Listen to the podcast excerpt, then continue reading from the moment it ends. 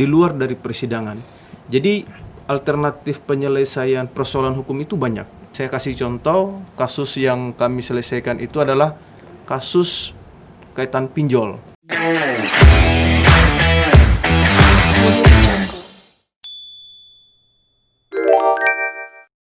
Assalamualaikum warahmatullahi wabarakatuh. Halo Sobat Muda Dunia. Baik lagi sama aku Andre yang suka galau gundah gulana tapi suka bercanda juga. Halo Sobat Muda Dunia. Selamat datang di podcast UMY Talks 3 Inspirasi Muda Mendunia. Halo Sobat, apa kabar? Nah, Sobat Muda Dunia di mana pun Anda berada, di mana pun Sobat berada Terima kasih sudah mengklik video podcast ini Dan kita akan bersama-sama ngobrol bersama Sobat Mengenai pembahasan yang menarik banget Dan pastinya untuk Sobat Muda Dunia yang belum tahu Dan akan tahu setelah menonton podcast ini. Sobat, jangan lupa untuk menekan tombol like dan juga subscribe Dan tidak lupa untuk mengetik di kolom komentar mengenai semua pertanyaan atau hal-hal yang buat sobat muda dunia bingung. Begitu sobat. Nah, di episode kali ini sobat penasaran gak sih kita tuh akan membahas apa? Nah, sobat, kita ini kan tinggal di negara Indonesia, tentunya negara hukum, sobat.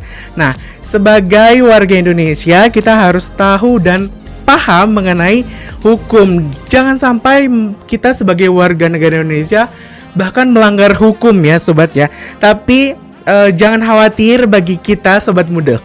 Sobat muda dunia yang berkuliah menjadi mahasiswa Universitas Muhammadiyah Yogyakarta tidak perlu khawatir karena ternyata sobat udah tahu belum sih karena ternyata di kampus tercinta kita ini tuh punya yang namanya uh, lembaga konsultasi untuk hukum. Nah, sobat udah tahu belum sih? Nah, kalau sobat belum tahu, ini adalah podcast cocok banget untuk sobat karena kita akan membagikan informasi-informasi mengenai lembaga konsultasi hukum itu tadi.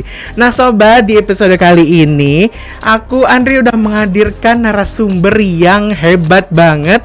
Narasumber yang akan ngobrol bareng aku memberikan informasi kepada sobat muda dunia mengenai lembaga konsultasi yang ada di Universitas Muhammadiyah Yogyakarta. Beruntung banget kan kita menjadi mahasiswa Muhammadiyah, menjadi mahasiswa UMY yang memiliki banyak sekali fasilitas konsultasi. Nah, sobat, tanpa berlama-lama lagi, aku sudah menghadirkan narasumber di sini. Ada Mas Dandi dan ada Mas Raffi. Halo Mas Dandi dan Mas Raffi, halo, boleh Mas nih? Halo Mas Andre. Uh, um, halo, apa kabar nih Mas Dandi, Mas Raffi? Alhamdulillah baik. Alhamdulillah baik ya. Boleh dong perkenalan dulu ke sobat muda dunia nih dari Mas Raffi dan Mas Dandi. Silakan. Tunggu Mas Raffi. Oke, terima kasih Mas Andre dan Mas Dandi. Perkenalkan saya Laude Muhammad Raffi Derajat Sarjana Hukum. Uh, saya selaku koordinator penanganan perkara di PKBH Eva UMY. Oke. Perkenalkan nama saya Dandi Jayusman. Saat ini saya diamankan sebagai sekretaris umum di Pusat Konsultasi dan Bantuan Hukum Fakultas Hukum Universitas Muhammadiyah Yogyakarta. Nah, sekarang sobat udah tahu di sini ada narasumber Mas Raffi dan Mas Dandi. Untuk ke depannya kita akan mengobrol, membicarakan dan menginformasikan ke sobat muda dunia informasi-informasi mengenai badan pusat pusat konsultasi, oh, pusat konsultasi dan bantuan dan hukum. bantuan hukum. Kalau disingkat PKBH. PKBH UMY. Begitu sobat muda dunia. Nah, sobat penasaran nggak sih PKBH UMY itu sebenarnya apa dan um, di UMY itu salah satu platform atau uh, tempat konsultasi apa sih gitu. Nah, untuk sobat muda dunia jangan khawatir kita akan mengupas tuntas tentunya di podcast uh, UMY Talks 3 season kali ini mengenai PKBH UMY itu tadi. Nah, sobat, tanpa berlama-lama lagi nih ya untuk sobat yang sudah bingung dan penasaran uh, boleh nanti dari uh, narasumber kita nih akan menceritakan sebenarnya PKBH itu uh, apa sih gitu loh. Nah, nanti sobat bisa uh, menyimak nih dan kalau ada pertanyaan boleh banget nanti tulis langsung aja di kolom komentar mau nanya ke Mas Raffi atau mau nanya ke Mas Dandi. Nah, boleh silakan Mas Raffi atau Mas Dandi menjelaskan sebenarnya PKBH UMY itu apa sih, Mas? Gitu. Oke, saya dulu ya. Boleh, Mas. Oke. Uh, secara struktural ya. PKBH FAUMY ini merupakan supporting unit di bawah Fakultas Hukum saat ini. Oke. Okay. Yang mana dia sebagai lembaga yang mewadahi uh, baik itu alumni, mahasiswa, dosen untuk mengabdi kepada masyarakat. Di samping itu, dia juga membuka ruang untuk mahasiswa-mahasiswa UMI tentunya yang memiliki permasalahan-permasalahan hukum atau ingin mengkonsultasikan mengenai tindakan-tindakan hukum yang anda diambil itu bisa datang langsung ke PKBH FOMY. Oke. Okay. Kurang lebih sederhananya seperti itu. Sederhana seperti itu. Iya. Ada tambahkan Mas Arif? Oke, sedikit menambahkan. Betul yang disampaikan Mas Dandi, PKBH itu saudara bagian dari kampus kita, bagian dari kampus Universitas Muhammadiyah Yogyakarta. Tapi saya sebagai seorang advokat lebih detailnya menyebut bahwa PKBH FOMY sebagai lembaga pengembangan khusus mahasiswa Fakultas Hukum juga lembaga yang memberikan uh, pengabdian dan pelayanan hukum bagi mereka yang membutuhkan. Oke, nah begitu sobat, bagi sobat muda dunia yang memang butuh untuk membicarakan atau mengkonsultasikan mengenai hukum dan belum paham bisa banget di PKBH UMY. Nah sobat, sedikit kita sudah mengetahui apa sih itu PKBH uh, PKBH UMY dan tentunya nanti pembahasannya tidak hanya itu karena banyak sekali yang harus kita kupas tuntas mengenai PKH, PKBH UMY ini supaya um, PKBH UMY ini uh, bisa di lebih kenal lagi oleh mahasiswa bahkan di dalam kampus atau masyarakat sekitar Universitas Muhammadiyah Yogyakarta. Sudah disampaikan juga oleh Mas Dandi tidak hanya mahasiswa bahkan alumni, dosen yang sekiranya butuh untuk mengkonsultasikan uh, mengenai prosedur hukum itu bisa langsung datang ke PKBH UMY begitu sobat. Nah, Nah, kalau misalnya ada nih Mas obat muda dunia yang um, pengen datang ke PKBH UMY itu, nah mereka tuh harusnya datang ke mana gitu? Di mana sih letak uh, eh, PKBH UMY ini gitu? Atau kantornya gitu? Oke, kantor kami berada di uh, samping Universitas Putri ya. Ya. Tepatnya di kampus atau gerbang selatan UMY. Di sana tuh ada Unires, nah samping Unires itu pas itu kantor kami pusat konsultasi dan bantuan hukum. Oh, yang ini gerbang Unires sampingnya pas. Ah, sampingnya pas. Nah, tuh sobat ternyata nggak jauh, ternyata uh, mungkin cukup sering kita lewati ternyata di situlah uh, pusat lokasinya PKBH UMY. Nah, um, karena PKBH UMY ini langsung di bawah Fakultas Hukum, Mas, boleh pasti memiliki um, beberapa program kerja atau bidang kerja yang dimiliki gitu. Nah, untuk itu bisa dikasih tahu sobat muda dunia mengenai program-program kerja yang ada di PKBH UMY. Gitu. Uh, barangkali untuk program kerja litigasi non litigasi nanti disampaikan sama Mas Raffi langsung ya. Mm -hmm. Tapi kalau bicara program kerja di luar litigasi non litigasi itu kita ada namanya Klimakum, Klinik Mahir Hukum. Oke. Okay. Itu mirip-mirip dengan yang kami adakan sebelumnya pelatihan paralegal yang mana pelatihan ini mewadahi masyarakat maupun mahasiswa UMY untuk mengembangkan uh, skillnya di bidang hukum dan memahami ilmu-ilmu praktis. Di samping itu kami juga memiliki program-program seperti penyuluhan, seperti program-program penelitian, kurang lebih seperti itu di luar litigasi dan non litigasi. Hmm. Untuk pendampingan barangkali bisa dijelaskan sama Mas Raffi. Oke. Okay. Oke. Okay. Sedikit menambahkan ya Mas Andre terkait program di PKBH UMY Sebenarnya secara umumnya tadi saya sudah singgung bahwa PKBH FAUMI itu memberikan pendampingan dan pelayanan hukum. Yang dimaksud pendampingan litigasi dan non litigasi itu adalah pendampingan di dalam pengadilan maupun di luar pengadilan.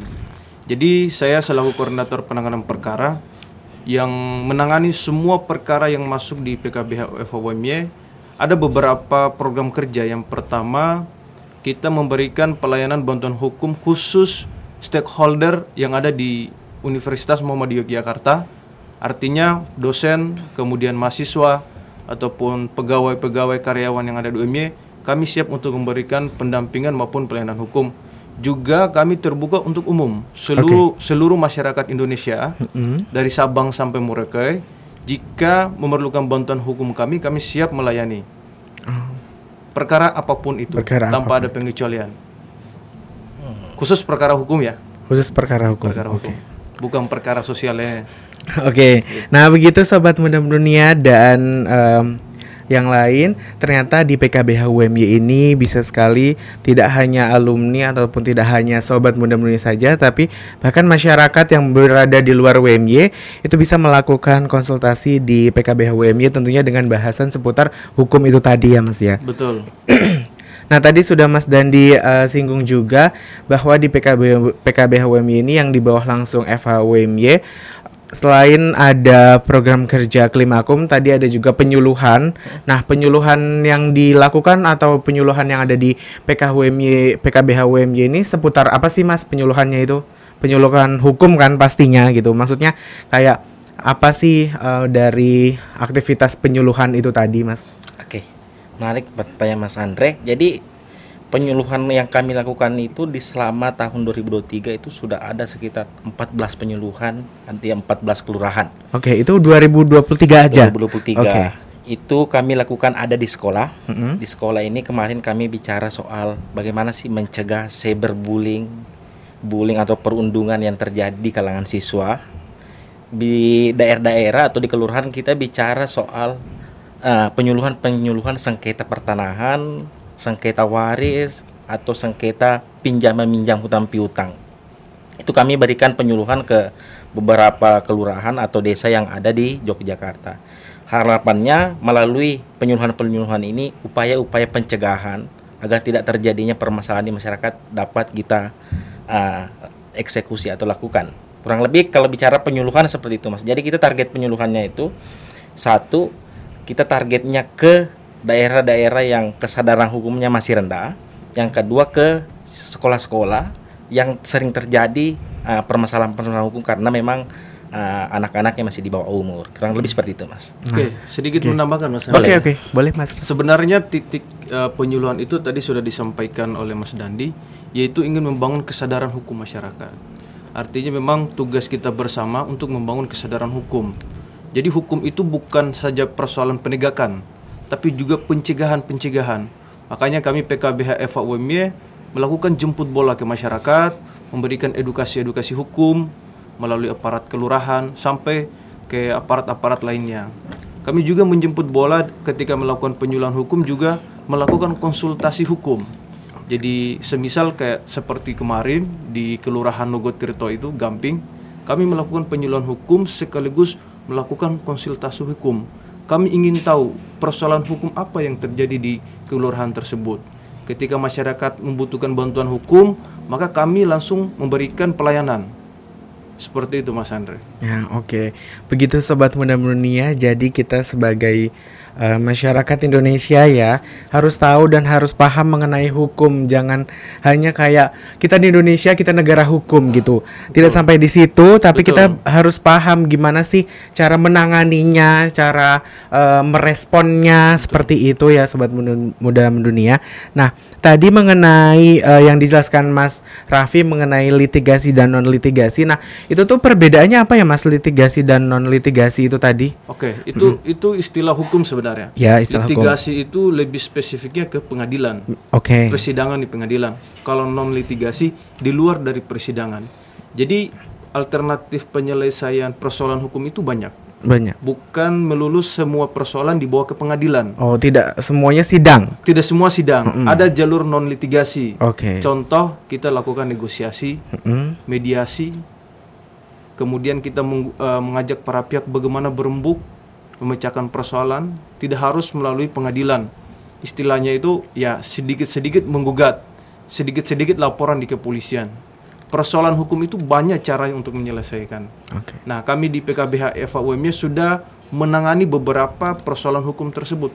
Saya kasih contoh, kasus yang kami selesaikan itu adalah kasus kaitan pinjol. Okay. Yang terjadi antara mahasiswa Eva, mahasiswa UMY. Mm itu kami selesaikan melalui jalur non litigasi dan itu sudah lebih dari dua hmm. dalam waktu kurang lebih tiga bulan belakangan ini seperti itu Mas Andre. Berarti itu jalur um, non jalur litigasi. Non litigasi. Oh non, non litigasi. Ya, kami panggil para pihak yang bertikai, kami undang di kantor kami. Kebetulan kami di PKBH FWM sudah ada mediator yang bersertifikat yaitu Pak Direktur kami yaitu Dr. King Faisal Sulaiman. Okay. Itu kebetulan yang sering menjadi mediator ketika ada mediasi para pihak yang bertikai. Seperti okay. itu. Nah, seperti itu sobat muda mendunia. Jadi kita sekarang udah paham nih mengenai istilah litigasi dan non litigasi, itu seperti apa Betul. gitu. Berarti tidak semua kasus yang kita tahu dan kayak oh kasus hukum nih nggak semuanya harus dibawa ke persidangan. Ternyata Betul. ternyata ada bagiannya sendiri-sendiri sobat muda dunia. Nah, kalau begitu sobat muda dunia nih ya, di PKBH UMY ini ternyata juga ada memiliki um, kemitraan. Nah, itu kan saya sempat baca juga Mas hmm. di website itu.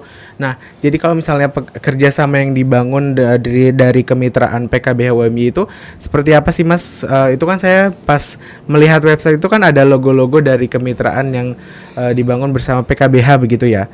Nah, itu boleh dikasih tahu ke sobat Bunda Dunia itu seperti apa sih? Baik, uh, terima kasih Mas Andre. Jadi kembali lagi tujuan awal PKBH ini untuk mewadahi para alumni, dosen dan mahasiswa untuk mengabdi. Oke. Okay. Untuk pelaksanaan pengabdian itu kita bukalah mitra.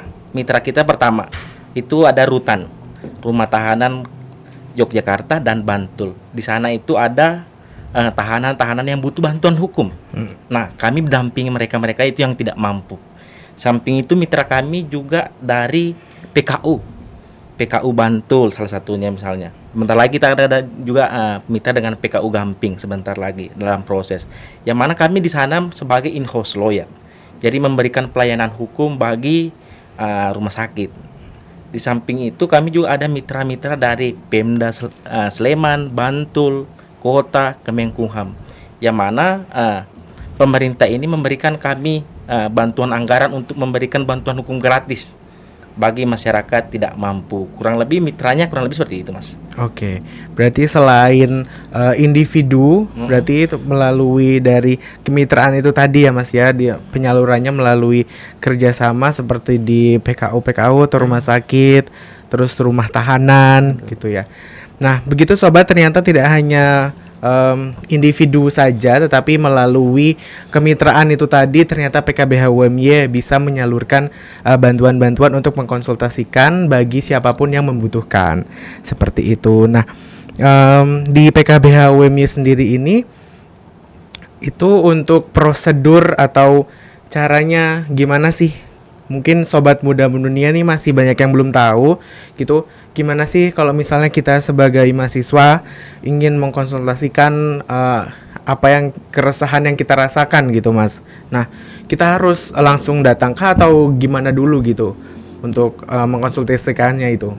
Oke okay, ada dua jalur mas. Oke. Okay. pertama kita memang ada koordinasi juga dengan uh, eh, LPKA tentu saja yang mana prosedur LPK itu nanti kami koordinasi. Jadi mahasiswa ini ketika ingin uh, mendapat konsultasi atau pendampingan hukum gratis tentunya itu harus mendapat surat pengantar dari LPK dulu. Mm-hmm. Jadi ada proses filterisasi di LPK apakah kasus ini bisa kita bantu okay. atau tidak. Yang kedua juga ada uh, prosedur yang mana langsung datang ke PKBH. Itu bisa langsung datang ke PKBH. Nah, perbedaannya itu terletak pada nanti pagu anggaran. Jadi kami punya pagung uh, pagung anggaran Mas Andre. Mm-hmm. Namun kalau langsung ke PKBH PKBH itu terbatas. Namun jumlah anggaran yang besar itu ada di LPKA. Makanya kami banyak uh, mengarahkan mahasiswa yang ingin konsultasi ataupun pendampingan langsung ke LPKA langsung. Okay. Kira lebih seperti itu. Oke, okay. sedikit menambahkan Mas Andre. Okay. Terkait bagaimana prosedur ya. Iya. Jadi gini, kami di PKBH FOM tadi sudah disinggung oleh Mas Dandi, khusus mahasiswa tadi sudah disebutkan seperti itu Prosedurnya bisa melalui LPKA ataupun datang langsung atau bisa mengontak uh, nomor kami dan menghubungi uh, media sosial kami. Kami punya akun Instagram PKBH FAWMY itu bisa di DM oleh teman-teman karena sangat banyak ya mahasiswa itu ketika ada persoalan hukum itu malu-malu datang konsultasi. Iya. Sebenarnya begini, ini uh, informasi juga. Mm -hmm. Kami sarankan ketika teman-teman punya persoalan hukum jangan disimpan, segera segera konsultasikan, segera selesaikan. Karena apa? Persoalan hukum itu semakin lama didiamkan akan semakin rumit cara penyelesaiannya hmm. dan itu bisa menjadi bom waktu. Jadi kami berikan masukan khusus mahasiswa Universitas Muhammadiyah Yogyakarta yeah. jika punya persoalan hukum segera datang ke kantor kami atau silakan menghubungi akun media sosial kami seperti itu. Oke. Okay. Oke, begitu ya sobat muda dunia kalau misalnya dari kita memiliki persoalan hukum ya, jangan ditunda. Sudah diberi reman uh, sudah diingatkan oleh Mas Raffi langsung ya, jangan ditunda, lebih baik segera diselesaikan. Nah, yeah. terkadang begini Mas Raffi. Misalnya kita memiliki nih, tapi hmm. sebenarnya kita tuh uh, belum tahu apakah itu um, permasalahan hukum gitu. Betul. Nah, um, gimana sih caranya kita tahu bahwa oh ternyata ini tuh permasalahan hukum yang kita miliki dan harus segera cepat diselesaikan gitu loh Mas Raffi. Betul, betul. Oke, jadi begini Mas Andre. Bagus pertanyaannya. Uh, sebenarnya kami pun di PKB FAUMY atau seluruh kantor hukum itu ketika yeah. ada yang melakukan konsultasi, kami memfilter dulu. Iya. Yeah. Tidak semua persoalan yang dibawa di kantor hukum itu adalah persoalan hukum. Mm -mm. Karena persoalan di masyarakat itu sangat banyak. Betul persoalan hukum dan persoalan sosial itu saling bersinggungan. Makanya lebih baik kalau ada kiranya kejanggalan-kejanggalan, silakan datang aja ke PKB FAUMB untuk konsultasikan. Dan konsultasi kami itu gratis, Mas. Iya. Gratis. Kami tidak mengut biaya. Oke. Okay. Seperti itu. Oke, nah berarti untuk sobat muda dunia atau mahasiswa dan alumni yang mungkin masih ragu mengenai uh, sebenarnya kita punya nggak sih permasalahan hukum yang harus dikonsultasikan? Dan bingung nih apakah itu permasalahan hukum? Um, jangan khawatir ya sobat ternyata di PKB PKBH ini nanti akan difasilitasi dan akan uh, bisa konsultasi terus juga difilter juga dulu sebelumnya Betul. apakah itu mengenai permasalahan hukum dan kalau misalnya itu memang permasalahan hukum tentunya akan bisa langsung konsultasi secara gratis sudah dibilangi juga sama Mas Raffi dan Mas Dandi tentunya. Okay. Jadi mulai sekarang nih ya untuk sobat muda mendunia yang memiliki permasalahan hukum atau keresahan-keresahan itu tadi pintu kantor PKB HWM itu selalu terbuka gitu ya untuk sobat muda dunia. Nah, sedikit menambahkan Mas. Boleh, boleh. Terkait persoalan hukum ini, sebenarnya ini uh, penyakit di seluruh masyarakat kita. Iya. Kebanyakan masyarakat kita itu datang ke kantor hukum ketika ada persoalan hukum. Yeah. Padahal lebih baik sebelum mengambil segala tindakan-tindakan hukum, datang dulu ke kantor hukum untuk mengkonsultasikan. Okay. Apakah langkah yang saya ambil ini sudah tepat apa belum? Okay. Saya kasih contoh, semisal ada mahasiswa Eva Boimie ingin membeli kendaraan, itu bisa datang dulu ke kantor PKBH untuk membantu mengcross check apakah tindakan ini sudah benar. Mm -hmm. Apakah barang yang dibeli itu adalah barang yang tidak punya persoalan hukum apa tidak? Iya. Begitu juga ketika ingin membeli rumah ketika ingin membeli rumah dari pengembang, silakan datang ke kantor PKB FOMY. Kami akan membantu untuk mengcross check apakah rumah itu rumah yang aman apa tidak untuk dibeli. Jadi lebih baik sebelum melakukan tindakan hukum datang dulu ke kantor PKB FOMY untuk meminta pendapat-pendapat hukum. Kiranya langkah apa yang perlu kami ambil, langkah tepatnya seperti apa. Seperti itu Mas Andre.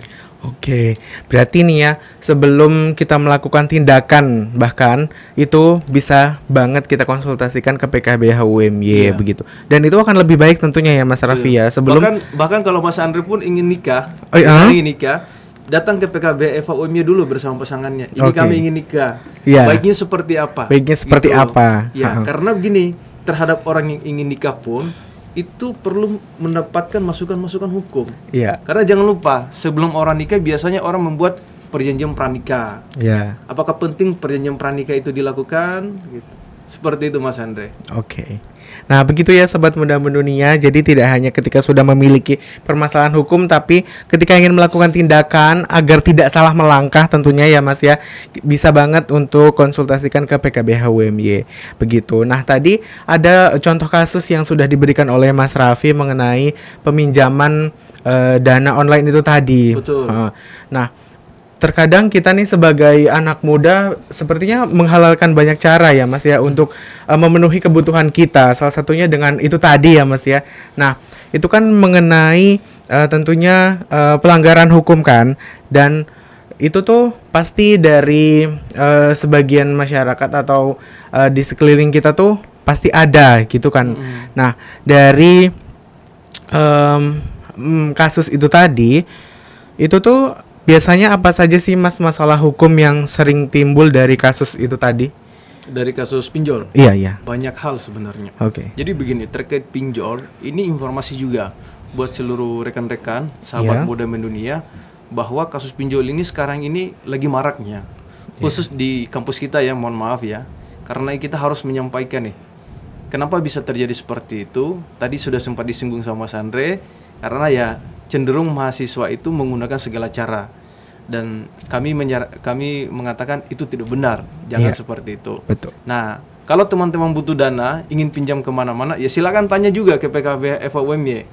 Karena tidak semua akun pinjol itu legal, mas. Iya. Banyak akun pinjol, pinjaman online itu ilegal. Dan yang sering kali bermasalah itu yang ilegal.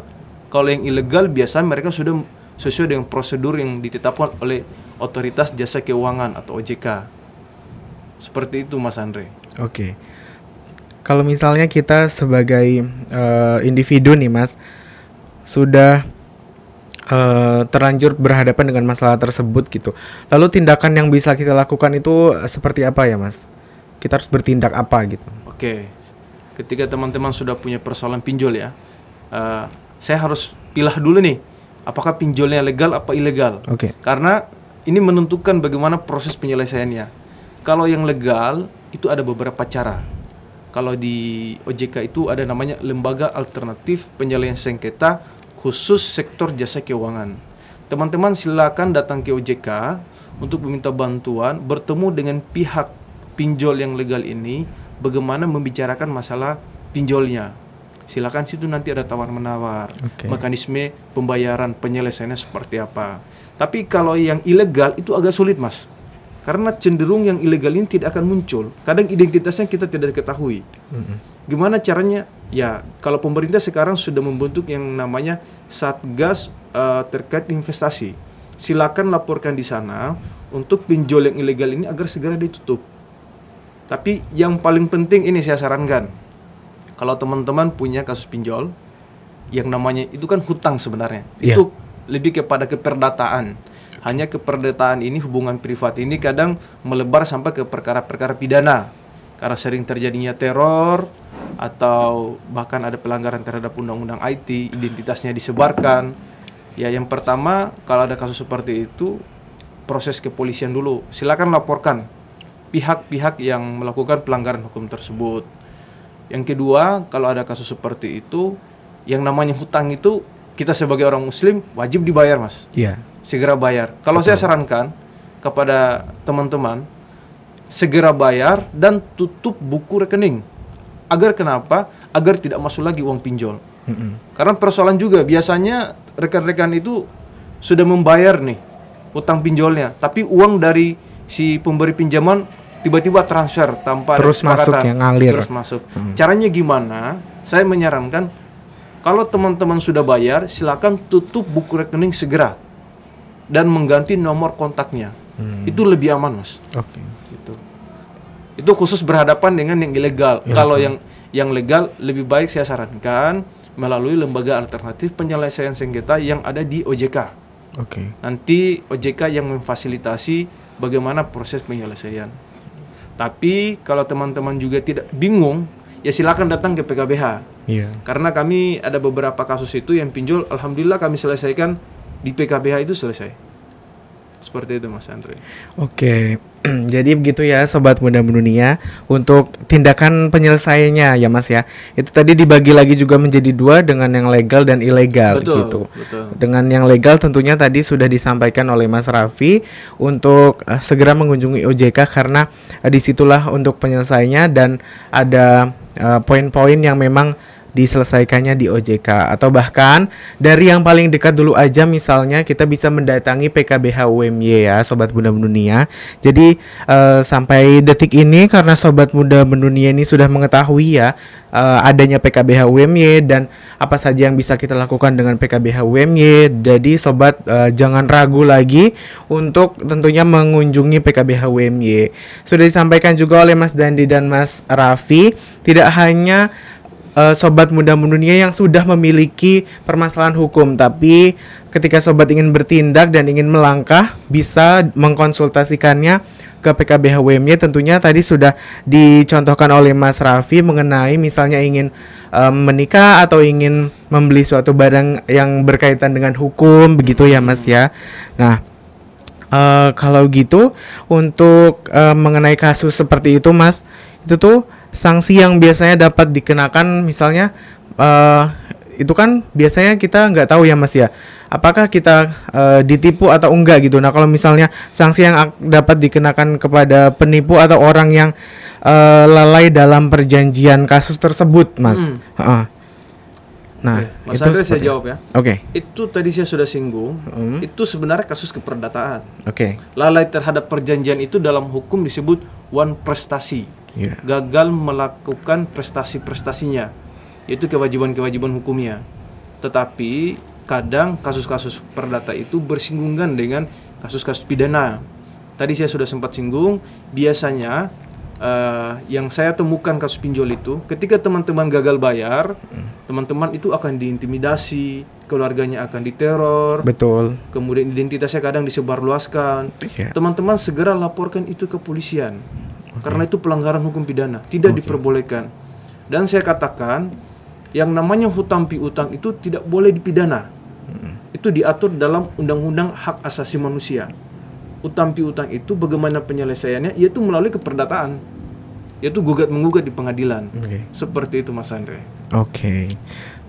Wow, ternyata memang em, dari kasus seperti ini tuh banyak sekali hal-hal atau tindakan yang harus dilakukan. Betul. Gitu. Ternyata bahkan dari em, kasus seperti itu memiliki eh, cabang yang kadang memang eh, cabangnya itu bisa membuat kita tuh wah ternyata bisa sampai seperti ini ya sebuah Iya. kasus gitu. Makanya tadi saya sampaikan sebelum melakukan tindakan segera konsultasikan ke PKB FAUMY agar teman-teman tidak jatuh lagi di lubang yang sama. Betul. Nah, begitu sobat muda dunia agar sobat tidak jatuh lagi di mana pun atau di setiap kasus apa pun ya, tidak hanya kasus yang itu saja. Jam kita bisa mengunjungi PKBH UMY atau setelah menonton video ini bagi sobat muda dunia yang mau berkunjung ke PKBH bisa dong ya Mas ya Bisa. untuk membicarakan permasalahan-permasalahan atau aspek-aspek yang sudah kita bahas itu tadi. Begitu sobat muda dunia. Nah, tidak terasa ya sobat kita sudah banyak sekali mengkupas tuntas mengenai PKBH UMY ya begitu. Sudah banyak sekali saran yang diberikan oleh Mas Raffi dan Mas Dandi tentunya dengan em, solusi-solusi yang solusinya itu benar-benar sesuai dengan hukum gitu. Karena kita mendatangkan uh, Mas Dandi dan Mas Raffi ini pada podcast kali ini. Dan pastinya Mas Raffi Mas Dandi uh, boleh dong uh, punya atau punya saran atau nasihat begitu untuk uh, kita sobat Buddha Dunia atau uh, penonton lainnya mengenai um, um, kasus-kasus atau permasalahan yang sering terjadi seperti kasus yang uh, barusan gitu Mas Dandi. Oke. Oke. Ah, untuk teruntuk sobat muda mendunia khususnya mahasiswa fakultas hukum dulu nih Oke. mahasiswa fakultas hukum kita tidak boleh nafikan bahwa kita butuh ilmu praktis Iya. kita harus memahami persoalan hukum dengan berhadapan langsung dengan masyarakat nah PKBH FHWM ini hadir sebagai wadah untuk teman-teman mahasiswa fakultas hukum tentunya untuk bersama di sana belajar ilmu praktik memahami mendekati atau mengalami langsung permasalahan hukum yang terjadi di masyarakat. Itu untuk ah, mahasiswa fakultas hukum yang ingin jadi praktisi. Tetapi yang ingin lanjut studi bisa juga, Mas, karena ternyata banyak ah, dari teman-teman yang magang tentunya di ah, PKB HFWM ini itu mendapat beasiswa, Mas. Oke. Karena di sana mereka melakukan pengabdian. Ternyata penyelenggara beasiswa ini mencari mahasiswa-mahasiswa atau alumni yang suka mengabdi gitu loh Oh iya. sehingga dia mendapat privilege untuk mendapatkan beasiswa ketika lanjut studi. Nah, untuk eh, mahasiswa atau sobat mendunia, mahasiswa UMI secara umum, kami tentunya terbuka untuk Oke. konsultasi pendampingan sampai ke pengadilan dengan permasalahan hukum. Dan terakhir, bahwa persoalan-persoalan hukum yang terjadi mahasiswa itu kami tutup. Itu sifatnya privat karena memang Iya. harus kita akui ya, Mas Betul. banyak yang tidak mau mengkonsultasikan kasusnya karena itu dianggap aib. Iya. Ah, nah kami menjaga rahasia klien. Barangkali bisa ditambahkan sama Mas Raffi soal rahasia klien atau mekanisme bantuan untuk mahasiswa UMY. Boleh. Boleh Mas Oke, Raffi saya ditambahkan? nambahkan Mas Andre ya dan Mas Dandi. Ya. Tadi yang disampaikan Mas Dandi sudah benar. Eh, khusus mahasiswa Fakultas Hukum sedikit menambahkan. Oke. eh, kalau teman-teman ingin berkecimpung seperti kami, kami eh, di bulan Januari 2024 itu ada event yaitu Klimakum. Di situ pelatihan bagaimana cara-cara eh, menjadi seorang lawyer, menjadi seorang advokat. Teman-teman silakan daftar, silakan bergabung bersama kami untuk eh, belajar bersama bagaimana cara melakukan penegakan-penegakan hukum atau pendampingan-pendampingan hukum di masyarakat. Yang kedua terkait eh, tadi disampaikan Mas Dandi, eh, semua perkara yang masuk di PKBH FAUM itu kami tutup. Maksudnya dalam artian tidak akan kami publish di luar. Betul. Jadi ini khusus sobat muda mendunia, jangan ragu datang di PKB FAWMY, jangan takut nanti kasusnya akan terekspos. Kami Iya. jamin itu akan uh, terjaga. Karena di dalam undang-undang advokat itu yang paling penting itu menjaga identitas kerahasiaan kasus dari klien kami. Seperti itu. Oke. Berarti ini sobat muda dunia jangan khawatir. Jangan khawatir. Jangan takut juga ya tentunya. Pasti semua permasalahan dan kasus yang sobat miliki akan dijaga privasinya dan Iya. sudah dipastikan juga Betul. tidak akan disebar atau tidak akan dipublis gitu ya Mas ya. Betul. Oke, nah begitu Sobat Bunda Dunia pembahasan kita di podcast kali ini mengenai PKBH UMY.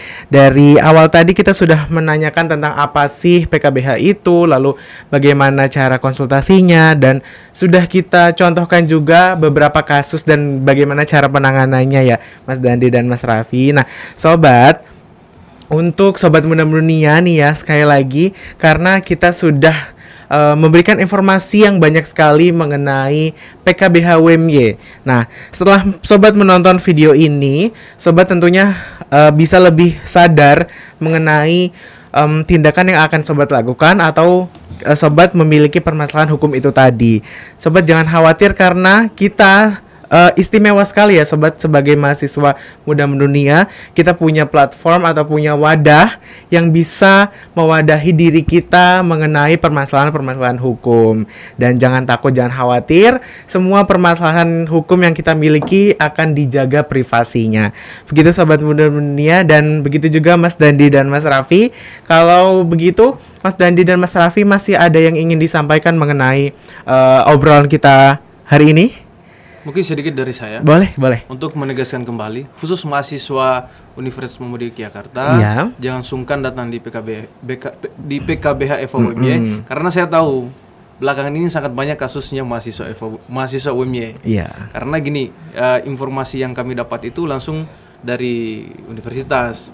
Di seluruh fakultas itu banyak kasus-kasus mahasiswa yang eh, kasus hukum yang perlu penampingan. Tapi saya rasa mereka mungkin malu-malu Iya. saya sarankan tidak usah malu-malu, silakan datang, kami akan jaga kerahasiaannya seperti Oke. itu. Oke, begitu sobat sudah berkali-kali diingatkan oleh Mas Raffi dan Mas Dandi juga, jangan malu gitu. Langsung saja datang karena em, eh, pasti untuk seperti orang seperti Mas Dandi dan Mas Raffi ini paham gitu. Orang yang memerlukan eh, orang yang memerlukan bantuan itu tadi untuk mengkonsultasikan permasalahannya. Begitu ya sobat. Kita dari awal sampai akhir sudah mengingatkan untuk tidak malu-malu dan jangan takut karena emang inilah wadahnya untuk sobat muda dunia untuk mengkonsultasikan dan juga mm, mendiskusikan tindakan-tindakan seperti apa yang baik yang harus kita ambil begitu. Terima kasih Mas Dandi dan Mas Raffi sudah ngobrol bareng di podcast kali ini episode PKBH UMY. Semoga dengan adanya podcast ini nanti mahasiswa muda dunia akan lebih sadar mengenai eh, permasalahan hukum dan hal-hal yang harus diambil tindakannya seperti apa. Begitu Mas Dandi dan Mas Raffi. Em, terima kasih sobat muda dunia yang sudah menyaksikan podcast dan obrolan kita kali ini. Jangan lupa sobat untuk tekan tombol like-nya dan juga subscribe dan tidak lupa untuk sobat muda dunia yang ingin menanyakan, boleh banget diketik aja di kolom komentar. Nanti pastinya akan dibantu jawab oleh kami. Dan sobat jangan malu-malu untuk berkunjung atau bahkan datang ke PKBH UMY. Oke, sudah diingatkan lagi ya sobat ya, jangan malu dan jangan takut. Terima kasih Mas Dandi dan Mas Raffi atas waktunya. Terakhir kita punya tagline Mas. Oke. Uh, UMY Talks 3 kali ini karena kita udah season 3. UM, nanti saya bilang UMY Talks 3 inspirasi muda mendunia. Begitu. Oke. Terima kasih sobat sudah menonton kita sampai selesai. Kita mulai ya Mas ya. UMY Talks 3 Inspirasi Inspirasi muda muda mendunia. Bye. Terima kasih sobat muda mendunia.